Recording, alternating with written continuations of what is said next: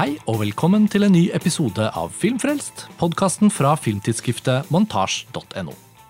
Mitt navn er Karsten Meinick, og jeg sitter her i dag sammen med en internasjonal gjest.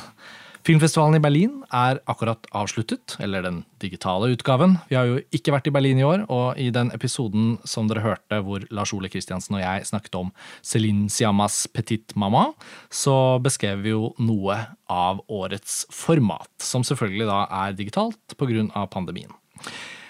Som tidligere så har vi jo da diskutert festivalen med noen av våre internasjonale kontakter. Og faste lyttere vil jo huske at vi i mai 2020 arrangerte den alternative Cannes-festivalen, eh, også pga. at pandemien gjorde at festivalen var kansellert. Og i en av de episodene så hadde vi med oss en italiensk filmkritiker som gjest. Og han er tilbake i denne episoden for å snakke med oss om Berlinalen og filmene han så der. Så da skal jeg bytte til engelsk og trekke inn vår gjest. I said Mr. Tommaso Tocci very formally in the previous episode you were in, and this time I'll I'll just say, "Hey, Tommaso." Oh, good. We're progressing. Hello, Karsten, and thanks for having me. Thank you for coming back. And I remember at the at the end of the episode last year, I think we were a bit optimistic, saying "See you soon." Yeah. But uh, unfortunately, we haven't seen each other sooner. We are still um, not going to festivals uh, that at least festivals that we can meet at. Uh, you might have been to some stuff in Europe, but I'm still just here in Norway, and we have just been to the digital Berlinale Film Festival, you and me and many others. So I asked you if you wanted to come on the podcast again, and happily you said yes. Thanks for that. Of course. I mean, I I have been to Venice actually, which now feels like this weird memory uh, that probably shouldn't have happened back in September 2020, but it did. And that's where I would uh, always hope to see you, of course. So uh, this is the next best thing. So I'm Yeah. very happy to do this. So we have um, warmed up for a few minutes before we went on the recorder, and I, I, I guess we both agreed that you know spending a lot of minutes to describe to the listeners how this digital festival went on and wh- what we did, what physically we had to kind of organize with the whole systems. It's not so interesting in the end.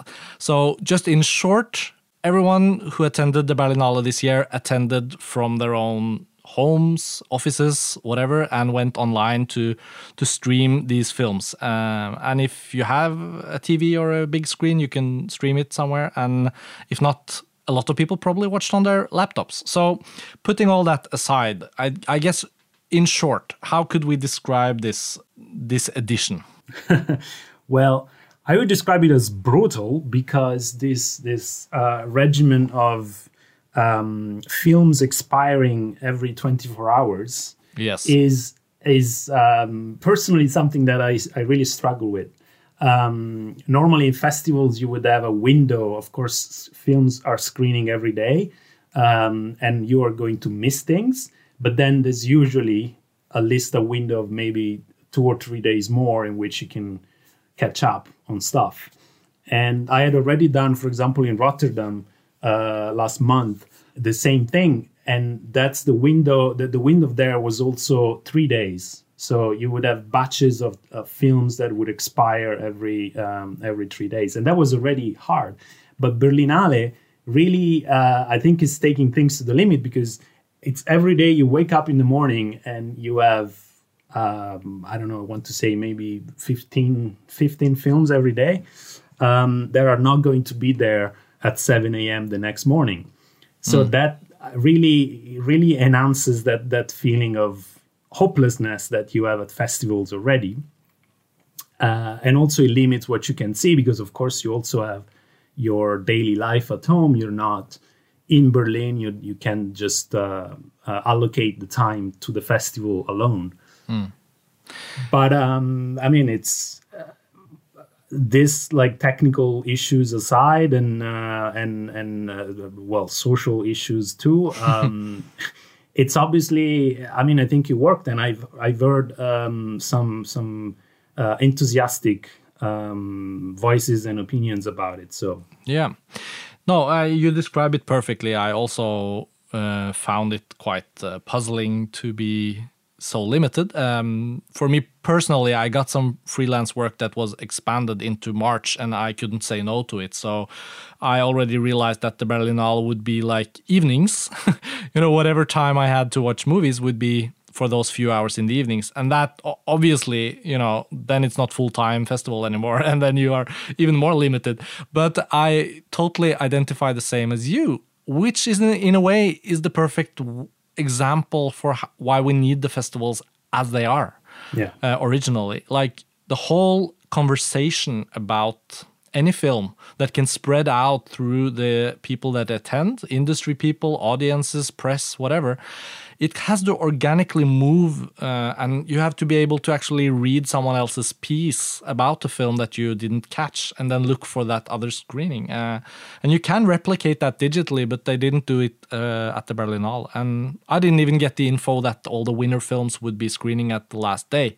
So when i mm. accidentally logged in i was like well now all the winner films are here but I, I didn't know so i don't have the time to go and watch them. So Anyway, I don't want to sound like I'm complaining. Uh, it it was, if we can jump to the films, it was all in all a festival edition of the Berlinale where a lot of people have been very enthusiastic about quite a lot of titles, and that's not necessarily the norm. So if we can dive into our experiences, uh, Tommaso, we've we've uh, identified a few titles that both of us have seen, but my tradition is to almost never catch the actual gold bear winner. Very rarely have I ended up catching it during the festival and then when it wins be able to say i saw the golden bear winner uh, and this year i didn't catch it either but you did so i asked you if we can start maybe with that film uh, because i think probably a lot of our listeners are quite curious about this romanian film directed by radu jude who won the golden bear. Yeah, absolutely. This is, um, I have to say, this is the strangest of golden bears, the the most unlikely of golden bears, probably. Um, not just for what the film is in itself, which is strange enough, but uh, because even in the context of the director's career, it is an absolute um, a, curveball right. that I'm I am convinced that he himself would not have imagined could win the top prize ever, absolutely. Um, so it, it, he really had the sense of a, a complete um, surprise out of the blue. Um, even though, I mean, uh, Radu Jude is a presence in, he has a relationship with the Berlinale. He won a silver bear, bear for Aferim in 2015. Right. Um, which is still probably is, is it's his most uh, approachable um, film. Um, I don't know if you've seen it. No, I remember almost seeing it in Berlin. I think it was one of those screenings that were in the in the um, palace uh, in the early screening. And yeah. I guess I opted for starting the day at 12 instead. Yes. And, uh, but I, I, always wanted to see that actually. Aferim is also like a Turkish word. Um, uh, and it's set in the Balkans, right? Yeah, and it's it's um I think it's set in the 19th century if I'm not right. mistaken, and it's it's um I mean it's a lovely film, but and he has truly emerged uh, I think as um as a singular mind in filmmaking and even in the context of Romanian cinema.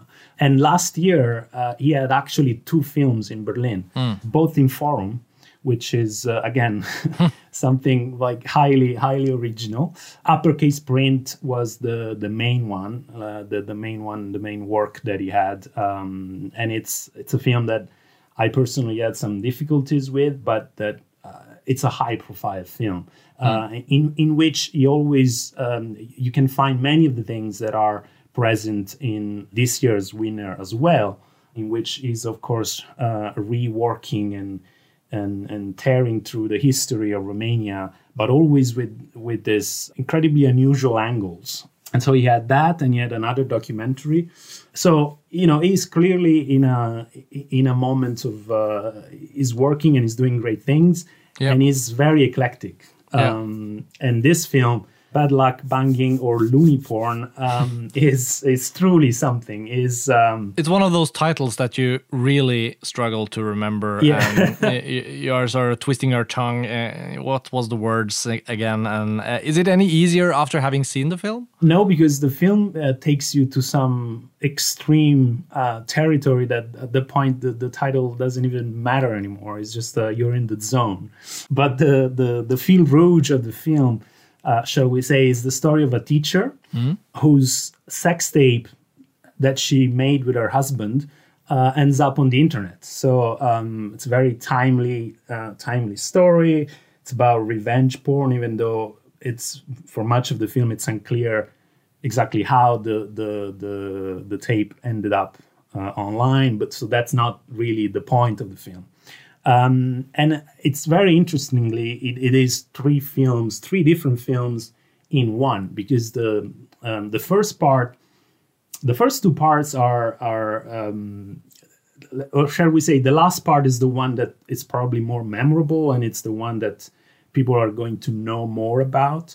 Right. But the first two are um, are really something because the the first is all about following this teacher on the streets of Bucharest um, and like she's having conversation with husband about the sex tape but the truly the, the style that the director employs is like this uh, observation this street observation uh, with a uh, w- which doubles as a social commentary on the noises the people the social and cultural environment of the city.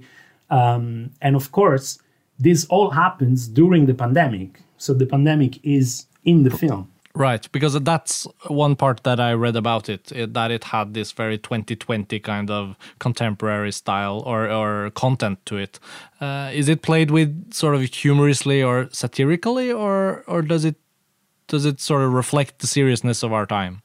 That's the thing about Radu Jude. Uh, it is absolutely 100% um, a satire, uh, a wild one at that.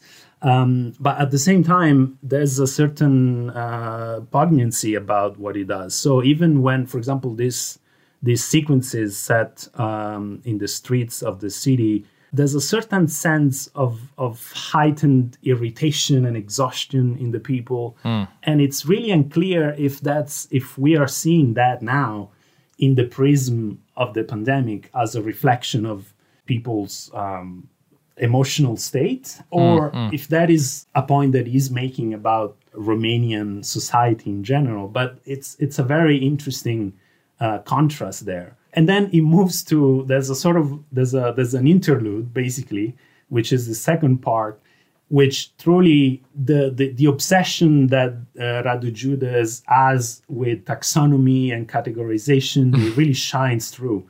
I would call it a glossary. Mm it has uh, free associations of words and meanings and references to the history of Romania, mainly, of course, uh, rooted in uh, Ceausescu's regime. And it's truly, uh, it's, it's completely, it serves as a bridge between these two styles that he employs in the film. Because then the third part is essentially a trial that this teacher has to go through in which she has to defend her honor and, and her actions um, mm. being accused essentially of recording this sexual encounter hmm. and truly uh, it's where it, things really get completely surreal and deranged did you write a review of the film before it won the golden bear or uh, no but i i did like it as soon as i saw it um, I, I thought this is it's truly unique. And I, even though you have this sense that he is not really making a big deal out of it, I don't know how much he's taking this seriously. It, it does have the feeling of, of a minor work in some ways.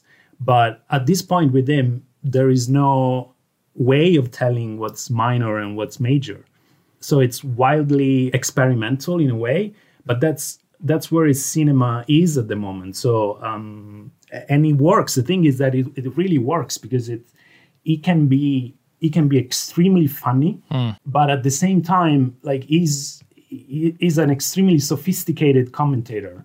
He's a sharp conceptualist, but but in the same scene, he can also go completely overboard uh, it can be crass, it can be obvious, with, very obvious with the point he's making. This this uh, let's let's call it this climax at the end of the film is a is an extended repetition of that, and obviously this teacher is confronted um, by the the uh, colleagues in, at the school and the parents of the kids, and um, it will not surprise you that they turn out to be this collection of like uh, racist, anti-Semitic, uh, militaristic, uh, like everything you can think of.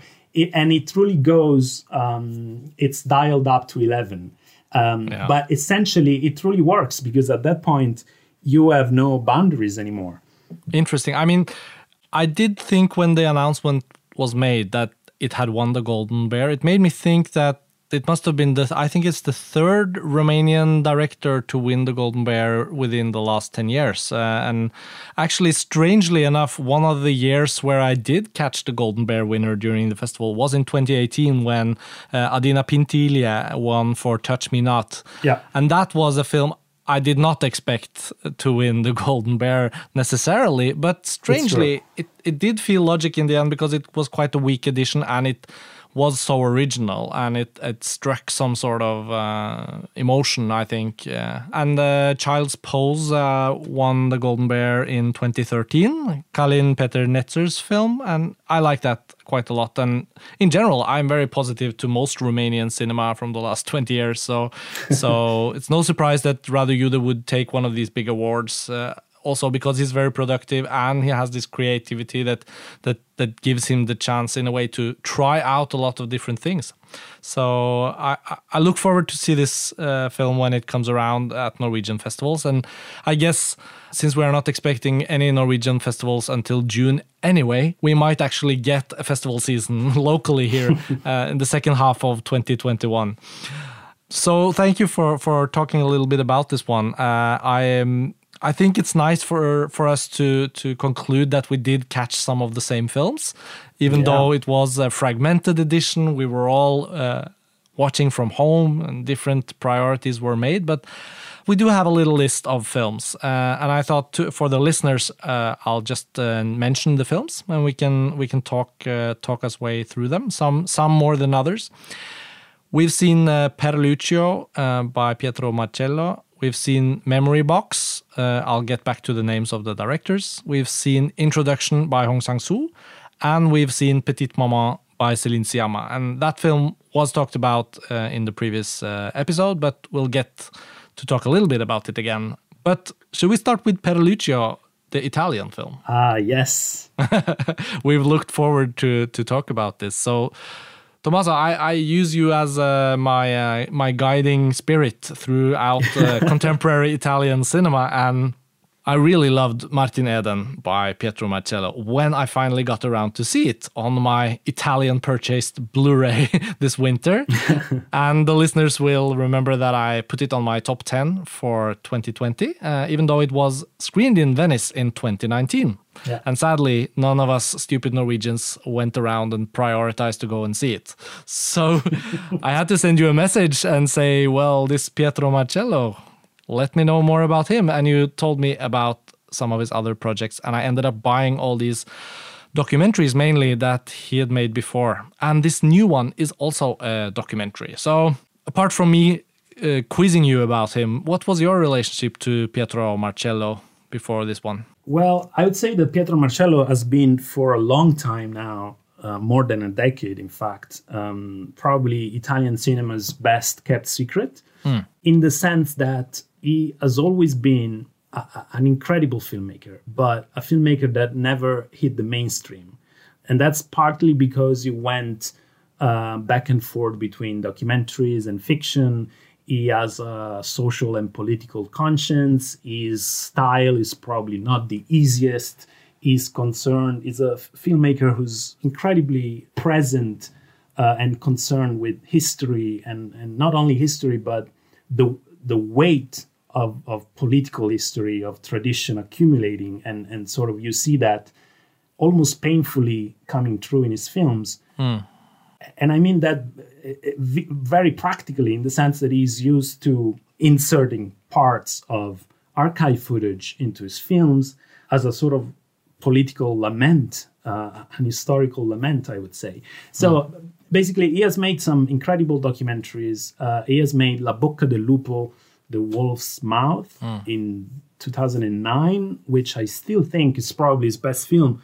That's before Martin Eden, which um, obviously brought him to a whole other level of acclaim. Um, but again, this last year is when truly everybody has taken notice of him because he made a film that is ambitious and is um, he has a very good actor, very famous actor mm. in uh, Luca Marinelli. It's a story that is international, it's global, it's an adaptation of, of the novel, but like profoundly re reworked through uh, an Italian context. And from what you describe, it seems that he also, at the same time, keeps his style and his filmmaking sort of uh, identity is uh, is still there in Martin Eden. Uh, yeah, absolutely. It's, I mean, in a way, it's the perfect. If you had to have like a, a, a career spanning a decade and then a breakthrough, hmm. ideally, this is how you would do it. Like you would, yeah. you would, uh, you would write it like this. You would write it with films that they stand the test of time. They are artistically uh, phenomenal uh, and then you would have one film that brings you to the next level while still having everything in it that was good about the other ones. Yeah. And now this is uh, this Per Lucio is funny that after we've talked about Pietro Marcello with you, and uh, I was very interested in how your how you view him, how you how, what the experience would be for you. And it's funny that the first film that comes up yeah. uh, by Marcello after we had this discussion yeah. is a documentary like this, which is truly um, it's a, a, very minor piece of documentary filmmaking in the grand scheme of things, but it's also very specifically about this Italian singer Lucio Dalla, which obviously nobody can expect people around the world to have um, a grasp of. I literally didn't know anything about what I was seeing,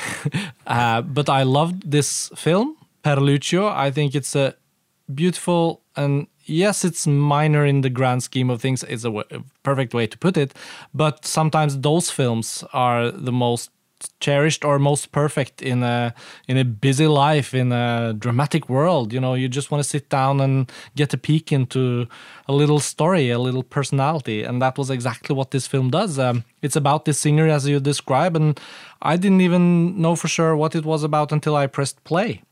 So I saw the list from the Berlinale. I saw Pietro Marcello's name, and I realized he has made a new film. It's the perfect timing because of this dialogue I had with you, and uh, you know the discovery of of him as a filmmaker for me through Martin Eden. And uh, for anyone who listens, uh, Marcello's films, when they are for sale in Blu-ray DVD format in Italy, they are printed with English subtitles. So anyone can just go and get them and get to know him.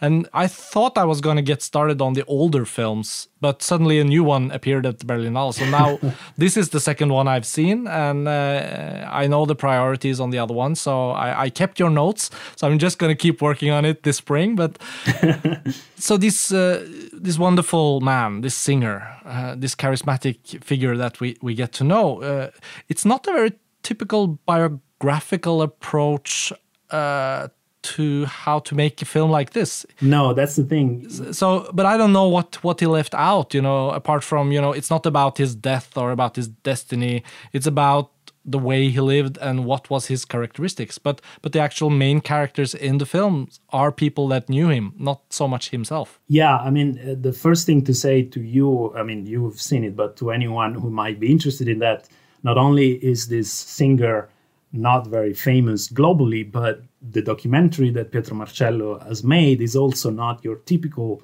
uh, music documentary. So it's not something that you can watch and expect to get a sense of a career of of the artist for for what he stood for. Um, there's nothing, almost nothing of all that. In fact, it's based on um, I would say mostly the early years of Lucio Dalla's career.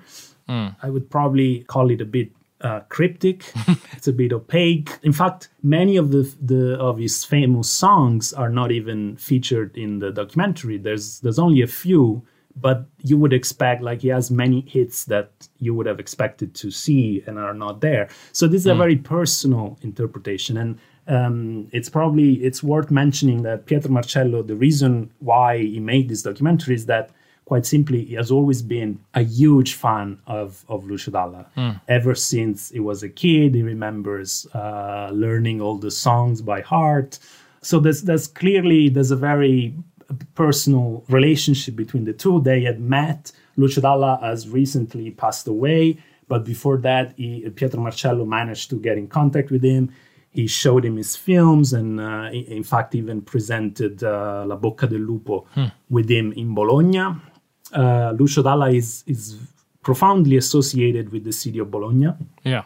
It's a city that he told the chronicle of in his songs. Uh, it's where he's from.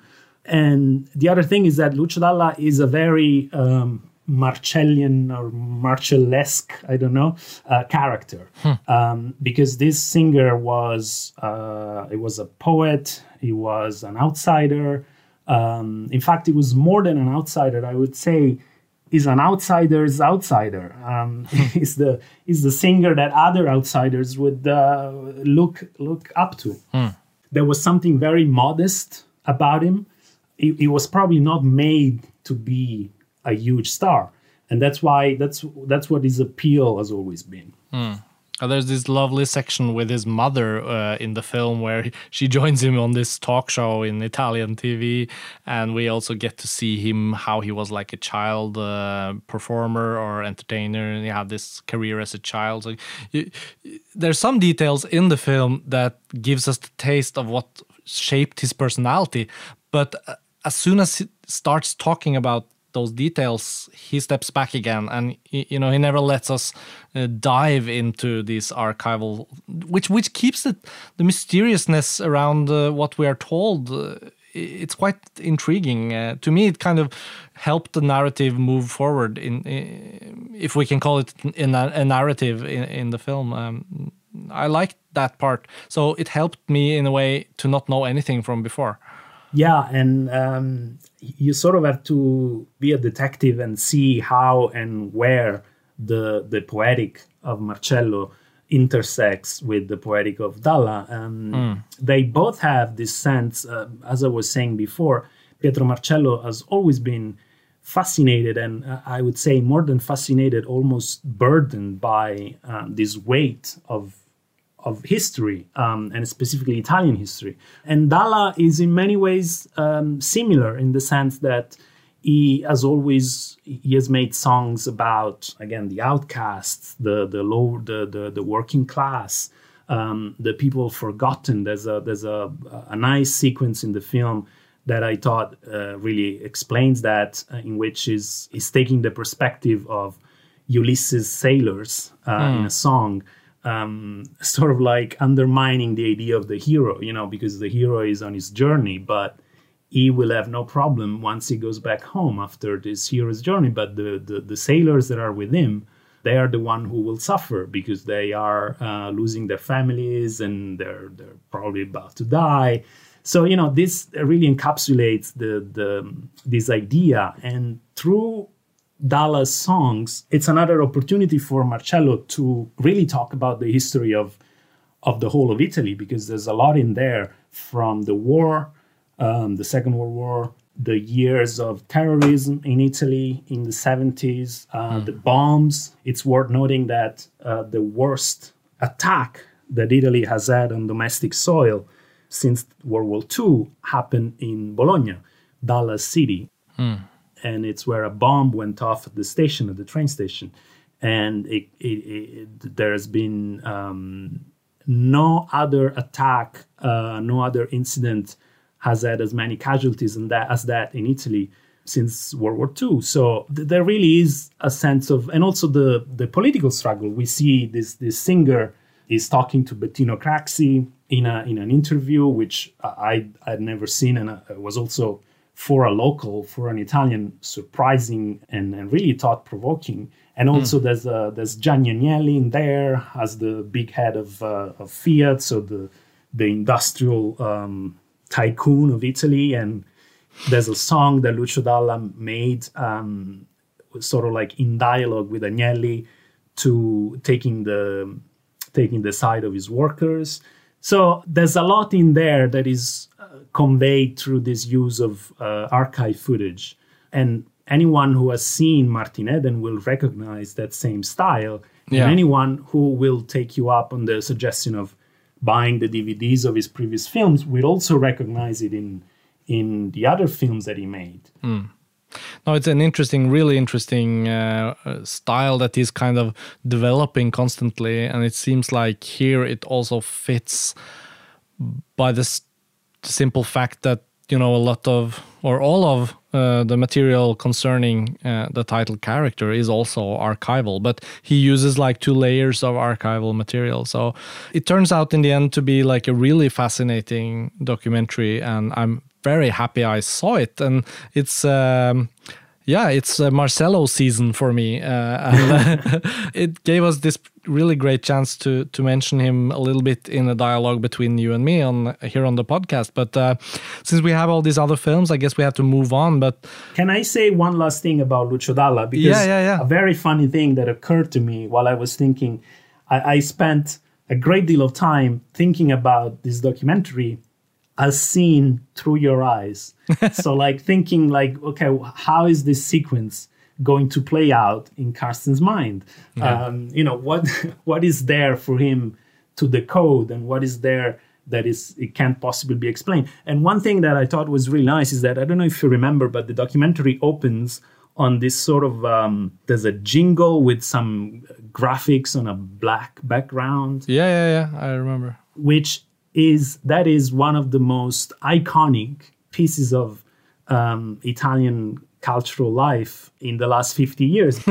Interesting. it was played on national TV when they had their uh, Monday night film. So it was a big tradition that every Monday night there would be a big film on the main uh, public channel. And before that, there was this jingle playing and telling you that it was about, it's called Lunedì Film, which is Monday film Yeah, and you know it, it's kind of pointless because you don't need to make like you can just start the film. But back then they not only had this thing not only had that had that song performed well it's not there's no vocals but yeah, yeah. it, it, the music was by Dalla himself.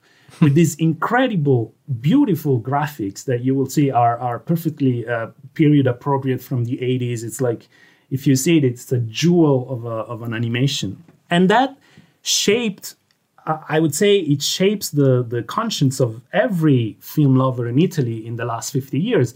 I assure you, if you play the just a couple of notes of that song, it just brings back memories like nothing else. So you can anyone can look it up. It's on YouTube. You just look for Lunedì Film, um, and you will see the beautiful music and a beautiful animation, and just get a piece of. And also it links Dalla and Pietro Marcello because I'm sure that Pietro Marcello is himself one of these people who will forever be reminded of cinema as soon as that uh, as that music starts playing. That's a really nice uh, piece of information. Uh, uh, I, I I obviously didn't pick it up when I watched the film, but I, I just noticed that it had this this uh, analog sort of retro archival vibe to it, and it brought us directly into the film. But that double triple meaning that you're uh, describing, it gives. Um, yeah, it it it builds on the film, and um, it's strange because it's uh, these are the kind of details that uh, we would normally get to talk about during a festival.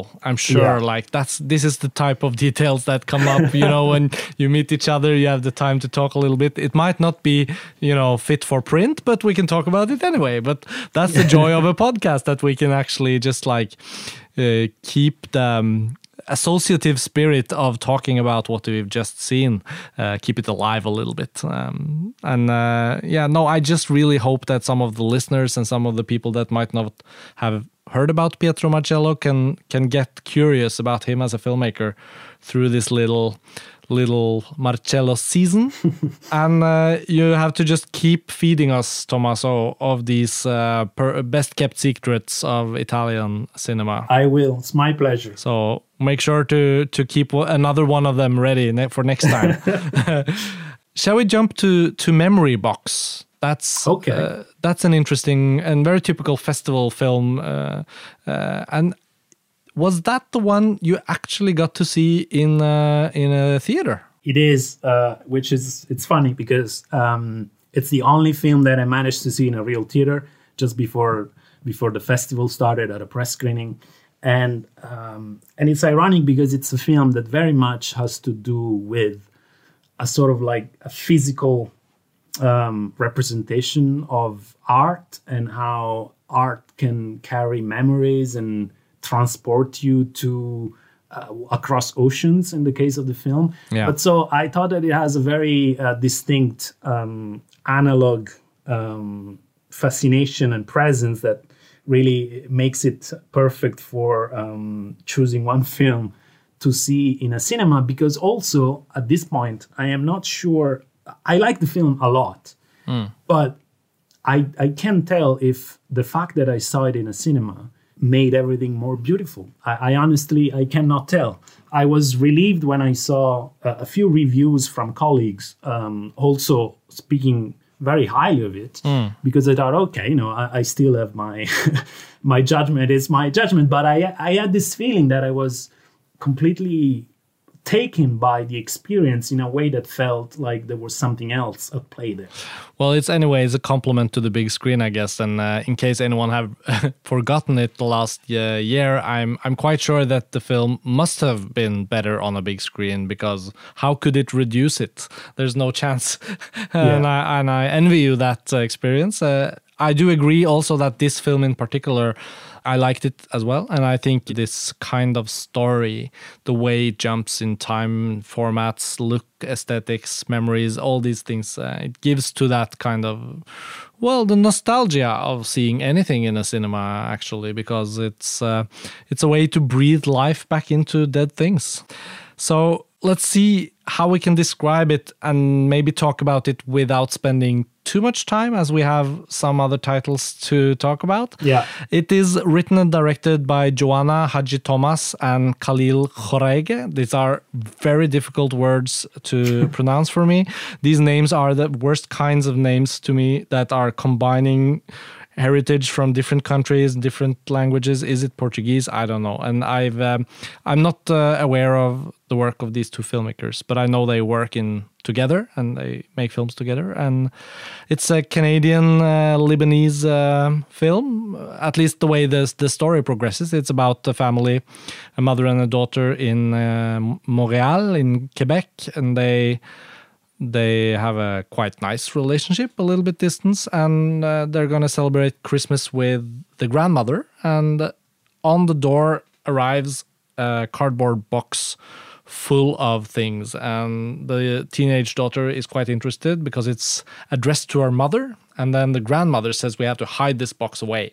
So it's a very effective introduction to a plot that must reveal some secrets. And as we then enter, physically enter this box together with this teenage daughter, she discovers the memorabilia of her mother's youth in Beirut before the civil war or during the civil war.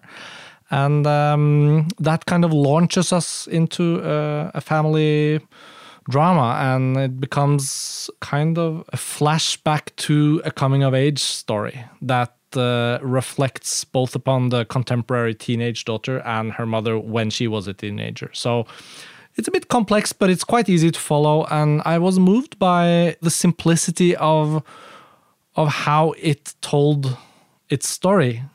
It is complex, but what it portrays is quite easy to identify with. Uh, the emotions themselves are are are accessible in a way. Yeah, and um, I will add a few things just quickly, um, which I think are relevant. Um, one is that the the this uh, duo of directors, they are uh, visual artists, documentarists. They have worked well. They are from Beirut, and they have worked basically. They they spent their entire career working on this exact theme of reworking media and art and music and illustration and film as a tool of unlocking memories and of coming to terms with with the uh, cultural and political history of Lebanon. So this is not just a, a well told a story, but it's also the culmination of a process that they've spent a great deal of time on. And, and it's nice to see, much like Marcello, it's nice to see when, after spending so much time on, on, a, on an issue, on a subject, you can then sort of like package it in a way that is accessible to the greater public yeah. without losing anything of what made it authentic and relevant. So it feels very honest that you managed to make that transition, which hopefully you know unlocks a whole new audience for for your previous work, but in a way that feels entirely natural and and and and true. So that's that's interesting. Also, it's interesting for I think after what happened last year in Beirut. Mm, yeah, it's a very relevant film because it's very much about Beirut. It's about the pool mm. that Beirut has on even like you can move to Canada, but these are people who are still struggling with the idea of having lost Beirut. Um, so for anyone interested in all that, it's it's certainly a very uh, topical film because of what happened with the explosion in Beirut, but also it truly just works as a drama, um, as a story of a mother and a daughter, and also much like um, I want to say that much like uh, Céline Sciamma's film, yeah, it has some similarities in the sense that it's it's about alternative ways in which a daughter can position the relationship with her mother. Mm. In this case, it's about this memory box that comes literally on their doorstep, and it sort of it, it contains her mother's entire uh, teenage years and aspirations and feelings and love and ambition. And that's how she starts to see her mother in a different way. Um, and we'll we'll talk about maybe a bit about the Sciamma or not, but yeah, yeah, yeah. You have seen it, and anyone who has seen the film will know how this is. Um, it's a very interesting uh, correlation. Actually, we can just uh, maybe do a few words on the Sciamma right now because it's a perfect uh, transition. Um, yeah. When we talked about it on the other episode, we made sure to tell our listeners that we had a lot of joy from not knowing what was going on in that film until we saw it. So we just uh, we screamed spoiler warning for like half a minute until we we talked about uh, what happens in the film.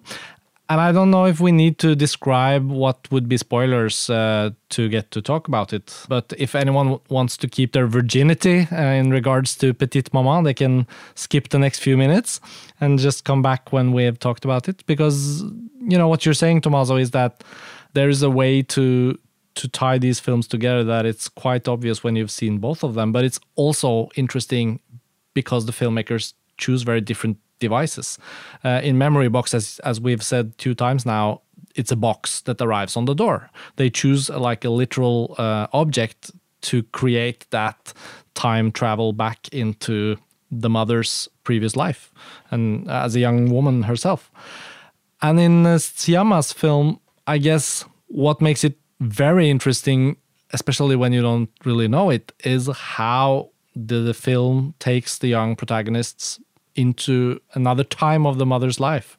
Um, I really loved the simplicity of uh, Sciamma's very complex and kind of time bending choice. Yeah. To me, again, without going too much into the specifics of the film to sort of preserve it for the audience, but I will just say that going back to Earth for a second, this is uh, it, it's an exquisite piece of filmmaking first of all mm. but it's almost it's almost obscene in the way that it's essentially just showing off this moment in Sciamma's career mm. uh, where she basically can do no wrong and it's like she has the Midas touch yeah and because this it, it, like when you think about it this is this film is so difficult it is a one hour just uh, barely over one hour long um, mm. stripped down essential visual storytelling that requires such a fine balance in the elements that it deals with. And she just nails it completely. And it's it feels like she's again she's just showing off. Because this yeah. hangs on this there's a very precarious premise of the manifestation of love between a mother and a daughter. Yeah yeah. But she's shrinking it down to the absolute essential she is working with one location she, again, she's doing it by working with two young kids, and everything about this film is pitch perfect. Hmm. Yeah, it's almost boringly perfect because as critics, you're not given much of a.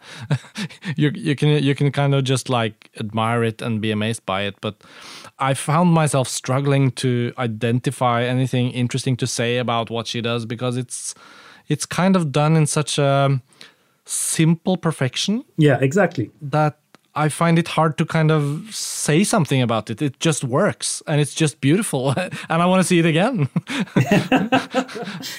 Yeah, but I think it's just to see that blossom is is truly truly something. Yeah, I agree. So we have both seen Hong Sang-soo's introduction, and uh, honestly, I I don't have that much to say about it. So I'm curious to hear a little bit more about uh, what what you've been thinking about it. Mainly because I know that you were writing about it, and I mentioned a theory I had, and you were a little puzzled, and uh, I might have been. In quotation marks, I might have been wrong, but you know it's all free and you can interpret away. And um, Tell me, what kind of film was this to you? First of all, it's a film that lives in the unfilmed spaces. So it stands to reason that there's a lot to be unpacked and, and imagined from from us viewers. Um, so any theory is is uh, is uh, valid. But also, like anyone who knows uh, Hong will know that uh, he's another one of those directors where there's such a simplicity that talking about theories um, almost feels uh, disingenuous. This is uh, again, and I come from from the perspective of someone who, for a long time, was opposed to Hong cinema. I uh, I didn't get it. I frankly couldn't stand that it was such a such a cliche, you know, with, with colleagues and other film lovers. Um, this this Hong cult. It always bothered me. Yeah, I, I must admit I'm I'm in your team here, and it it has made me skip quite a few of his films in festivals as well. Uh, so I've I'm in no way a, a Hong connoisseur. But I mean, I have to say that recently, I I think I'm starting to to turn around. All right. I've done the work, and I think I might be converting to Hong. I hope I will never become one of those um, like hardliners uh, fanatics. um, but uh, I I see it now, and I see it, and I'm I don't know if I how I feel about this specific branch of cinema that in a way um, refutes the idea of the single film in the sense that with them and a few others y- you you kind of have to take any film they make in the context of the greater ensemble of, of their work. Because the line between this film and that film is is not as important as just getting another bit of his world. And so any film is a window that opens on that world and you just take it in and it sort of it has a continuity to it. Um, so but i found in this one um, is another one who last year won a silver bear in berlin for the woman who ran. And this one is equally is equally as good. In fact i found it probably even better precisely because of how um, again in a story in three parts like uh, radu jude like hamaguchi he leaves a lot that is just hidden in this story of young kids who uh, have to at the same time sort of walk into adulthood but also negotiate the, the relationship between two young lovers and each of these young lovers with their respective parents which i thought was incredibly interesting. Hmm. And i think the film has a an ambiguity that i am not sure i have seen in his work previously I think I also have to tell the listeners that in case they don't know that much about Hong Sang-soo, it's because no Norwegian distributors are ever buying his films. ah, So they're they're they're only screened in festivals.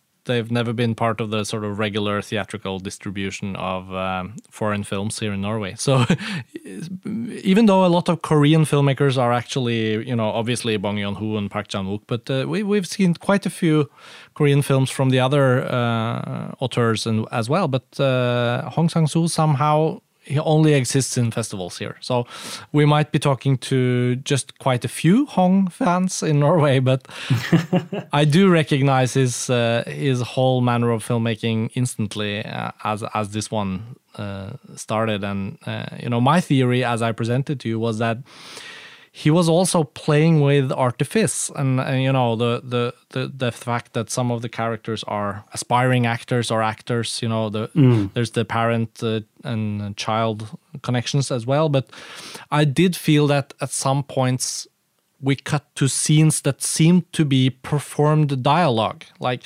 intentionally uh, there was the the the mannerisms of actors you know making the dialogue mm. work and you know playing out dialogue as if on a stage and as yeah. if playing out a play and that bizarrely gave me away into the film like the, it was to me it was the moment when i started thinking wait there's something you know there's something more going on here um, that actually became the most interesting parts of the film for me i love the part in berlin that was kind of strange uh, it was strange also because it was shot in and around Potsdamer Platz. Potsdamer Platz, obviously. Which is where we would be right now. yeah, I was like, I'm at the Berlinale without being in the Berlinale. I'm watching a Korean festival film, which is in Berlin, strangely, and no one shoots at Potsdamer Platz. You know, if you're in Berlin making a film, you shoot everywhere else. Uh, it was quite fascinating.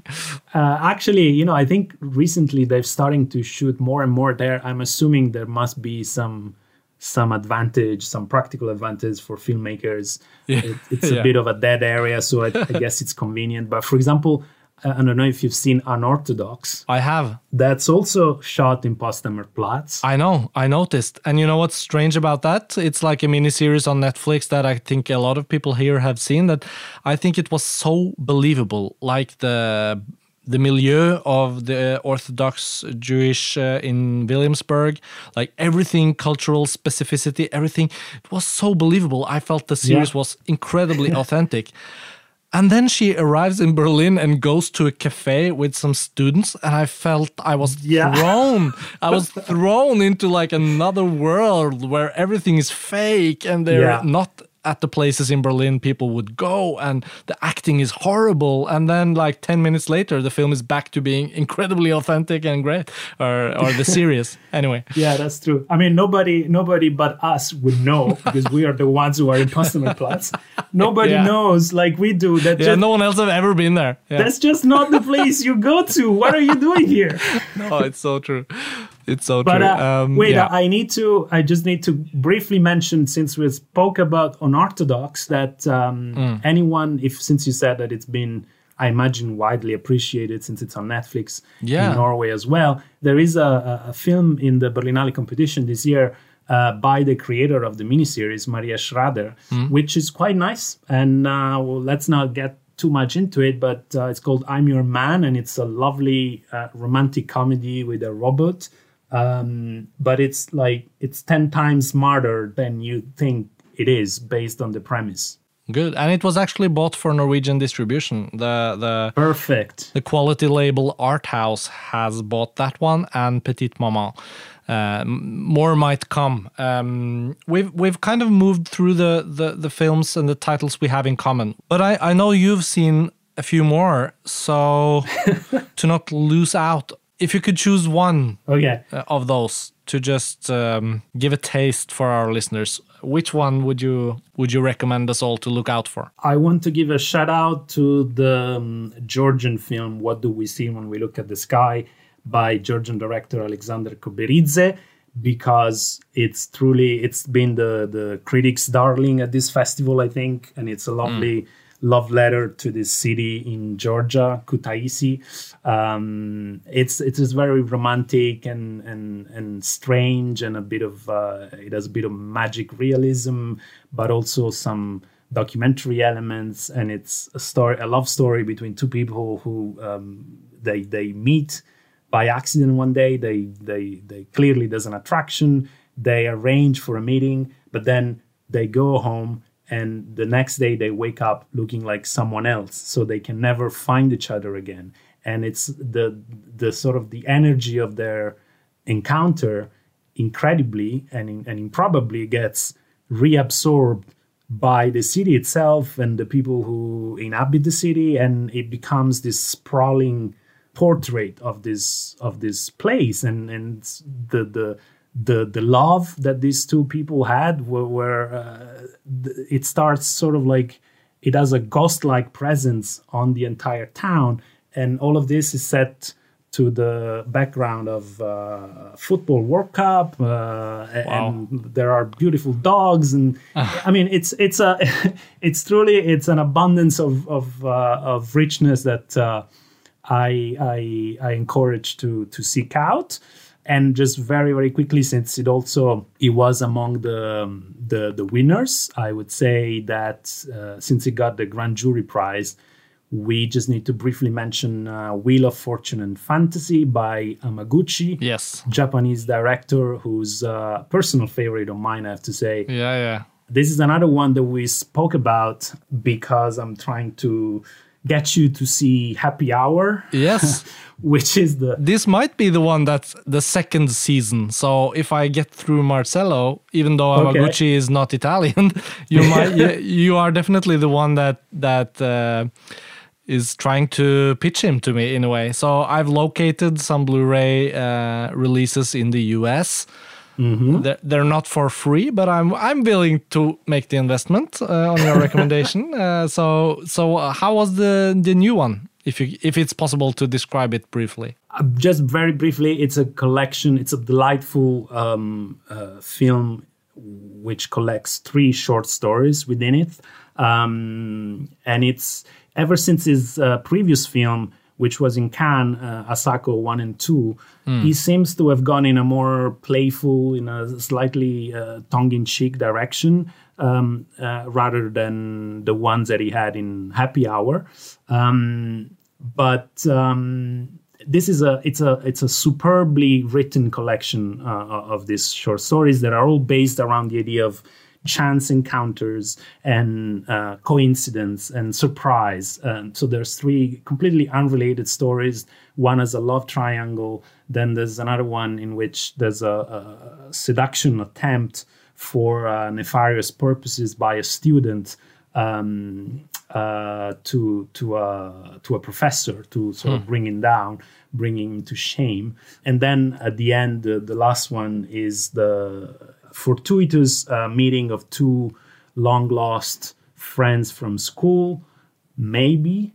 Um, but that's set against the backdrop of, of, a, of a, essentially a sci-fi uh, technological apocalypse in which they had to abolish all digital communication. So you know it's completely crazy, um, and it feels like a stylistic exercise, um, but in the best sense of the word, I think, because the the filmmaker himself, you get the sense he's trying to to truly outdo himself in driving the story towards the unexpected, mm. but not in a sensationalistic way.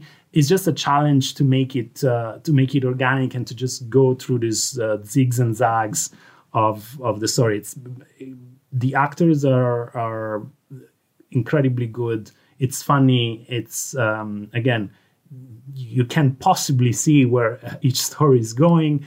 Um, so it's it's totally delightful. It has a lot of um, of Rohmer, and also I yeah. would say a bit of Hong Sang-soo as well. Uh, I kind of found some similarities. I don't know. It's because they were next to each other in the festival, but um, someone who likes uh, Hong might also like, especially this one from Hamaguchi in a way, this sums up our uh, podcast conversation for now. But uh, I do feel that what is uh, generally true is true again. That as we start talking about whatever we've seen and experienced at the festival, it uh, it kind of it's contagious, and you want to talk about more of it and uh, more about other details. But uh, sadly, we we kind of had to close up now. But for the future, Tommaso, without having a fresh pandemic on our hands. We now have like the experience of a year within this uh, pandemic, and um, I guess we can actually now say that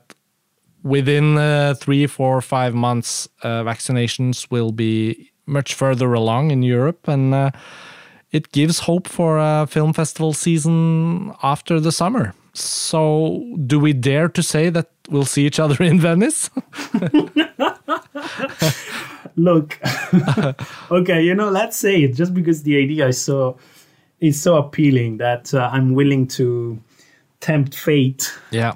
and say that uh, I will be happy to hug you on the Lido in Venice. that would be a great occasion to uh, to return to some sort of normalcy and i can't wait to be at the physical festival watch films and feel the room and talk about it unofficially and off the record on the record writing talking and more like that uh, it's been a pleasure to have you back on the podcast either way tomaso Thank you. It's been my pleasure to be here. I hope uh, you will be back. Maybe you can be back uh, before we see each other again, but then physically at the next festival, let's get you a microphone and sit you down with us to to talk about uh, whatever we have seen at that point. Absolutely. And I just have to wish you a, a healthy spring, and uh, let's hope the sun peeks out in Paris soon, and you'll be going to some um, cinemas there as they open up slowly but surely. I will try my best. Thank you. Okay, bye bye. Good night and thank you. Bye bye. Bye.